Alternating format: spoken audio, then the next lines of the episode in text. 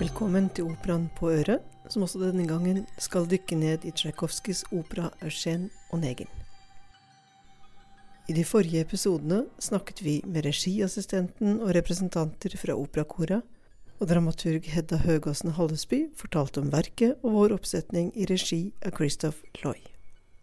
Denne gangen skal du få møte hovedrolleinnehaver Audun Iversen, og høre hvordan han forholder seg til Onegin og til Tsjajkovskijs heftige musikk. Mitt navn er Ingeborg Norshus.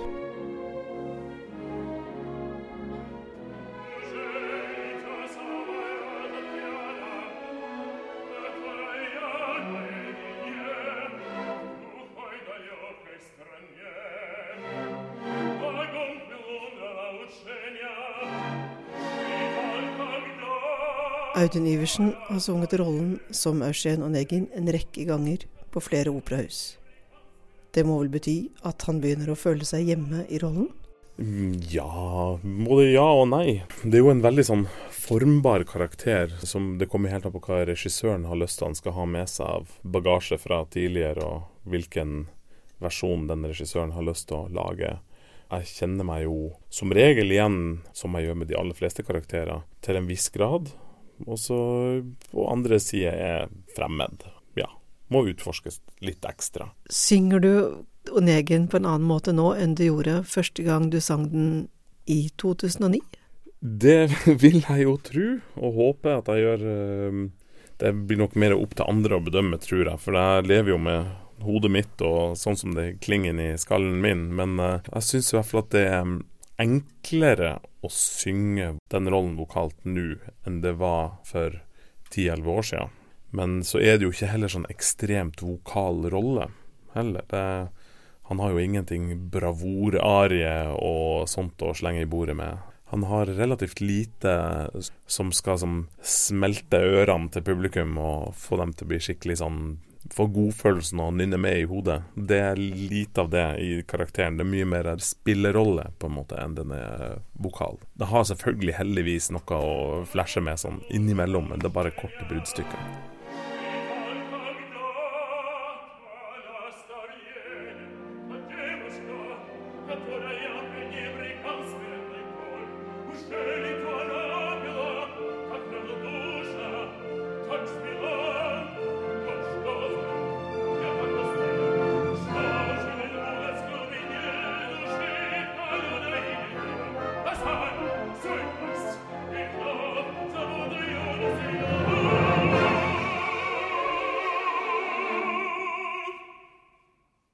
Men spiller du han annerledes? Altså, det har gått en del år, og det har skjedd endringer i livet ditt. Du har fått barn, blant annet, eh, og har sunget rundt omkring i hele Europa. Så om det gjør noe med hvordan du gestalter rollen på scenen? Ja, absolutt. Jeg føler jo at jeg har en bredere palett å bruke når jeg skal forme karakteren nå enn jeg hadde i begynnelsen av karrieren. Jeg prøver jo å spille på lag med regissørene i sto, så, så stor grad som overhodet mulig.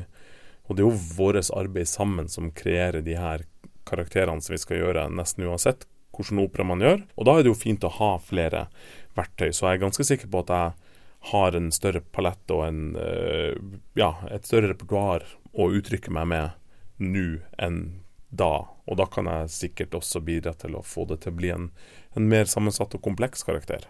Hvem er Eugen Onegin? ja, det er det store spørsmålet. Um, det som er så fascinerende, både i Pushkin sin Onegin og, um, ja, og i Tsjajkovskij sin, at du vet jo utrolig lite om bakgrunnen hans, om hva det er som har skjedd som gjør at han er der han er. Hva har tatt han dit? Hvilken ballast har han med seg fra livet og oppveksten? Man kan spore men det blir jo fortolkning, det også. Man kan, men man kan i hvert fall ane at han er veldig, et veldig såra dyr. Så um, altså, du vet veldig lite om hva som har skjedd i forkant av at Onegin starter både diktet og operaen, og du vet jo ingenting hva som skjer etterpå. Så det, det liksom Det gjør den så ekstremt spennende å forme også. Av og til så rammer man jo skikkelig plett, eller regissøren har et veldig godt gjennomtenkt konsept, og man kjøper på en måte hele bakgrunnshistoria og som er grunnen til at han er der han er akkurat her og nå, og det syns jeg jo da Christoph Loy er, er, ganske genial til å få til. Han har så klart og gjennomtenkt formening om hvilken karakter han ønsker at vi skal drive på og skape sammen, men fremdeles fleksibel nok til å bringe fram Bringe med så mye som mulig fra den personen som skal gestalte rollen, som meg da i dette tilfellet. Og da, da, tror jeg du får den mest overbevisende måten å produsere en nyfortolkning av rollen av Negen og av operaen da også. Eh, Onegin blir ofte framstilt som en dandy og en posør, og som en ganske usympatisk eh, skikkelse. Ja, han bruker ofte å fremstille som en dandy. Det er den klassiske måten å fortolke han. Jeg føler ikke at denne produksjonen presenteres som en dandy. I hvert fall ikke en sånn arrogant snobb som det er veldig lett å eh, portrettere han som. Det ligger liksom litt i kortene, uh, men det er liksom minste motstands vei, syns jeg.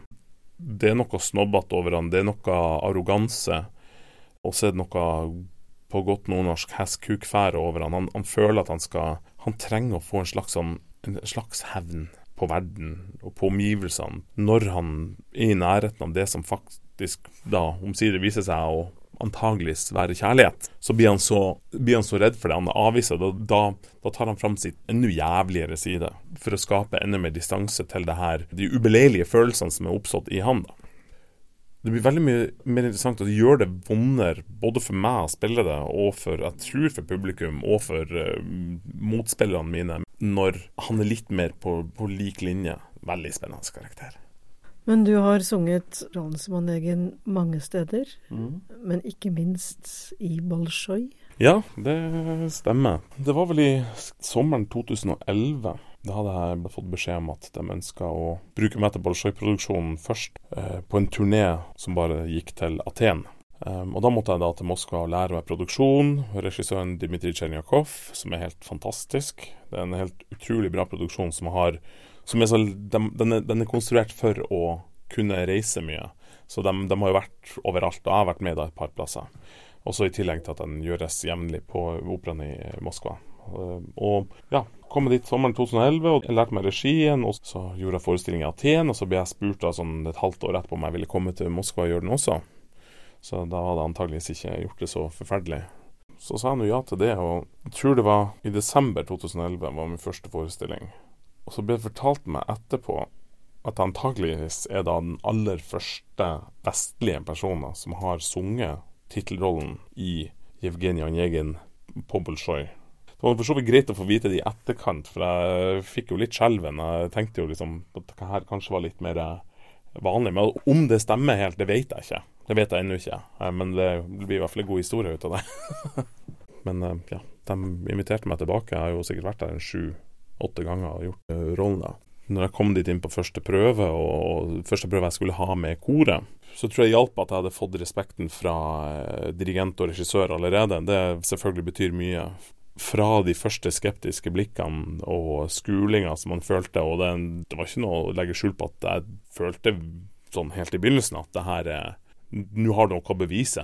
Så, eh, så, tenkte jeg bare faen eller altså, Nei, jeg skal, skal, møte dem med et åpent ansikt og smile til dem. Smile masse. og Forhåpentligvis også fordi at jeg var godt forberedt og kunne karakteren, rollen godt og hadde kommet til stykket i produksjonen med regissøren allerede, så tok det veldig kort tid. Altså plutselig var jeg bare de rauseste og hyggeligste kollegaene man kan ønske seg. Kan du si litt om uh, Tsjajkovskijs musikk? Det er jo ja, deilig. Tsjajkovskijs musikk er jo bare saftig og rik. Det er sånn overflødighetshorn av følelser. Ja, så er han jo, er jo Tsjajkovskij en uh, sucker for uh, deilige temaer. Og han var ikke så veldig skal jeg si, blyg med å gjenbruke ting heller, for han, uh, det finnes jo elementer her i uh, Anjegin som hvor han har komponert deler av de, brukt den samme melodien i andre stykker tidligere. Vi har blant annet altså For mange herrens år siden så sang jeg og Olina, dama mi, vi sang, sang noen uh, Tsjajkovskij-duetter på tysk. Så var det en sang som jeg tror den heter 'Skotsk ballade', eller noe sånt. Og den hadde da akkurat det han da, di, da, da, da, di, da, dam Temaet som er da Tatjana, et av Tatjana sine temaer. Og det, det brukte han også i den sangen, med et helt annet budskap. Så ja, og han lånte fra barnesanger, ikke sant, og fra uh, Altså, han kopierte jo, det var ikke mye sånn åndsverk lovgreier på den tida der, tror jeg. Men totalt sett, altså, måten han bygger dem opp når de temaene her kommer, så blir man bare sånn blåst av banen. Og det hører man også, det er ikke bare Jan Jegen, det er jo symfoniene hans Jeg hører jo, det er sikkert det mest musikkstykket jeg hører mest på som ikke er opera eller rock, er jo er sikkert hans femte symfoni. Ikke sant? Og der er det jo bare Åh, nei, det er så saftig. Herlig.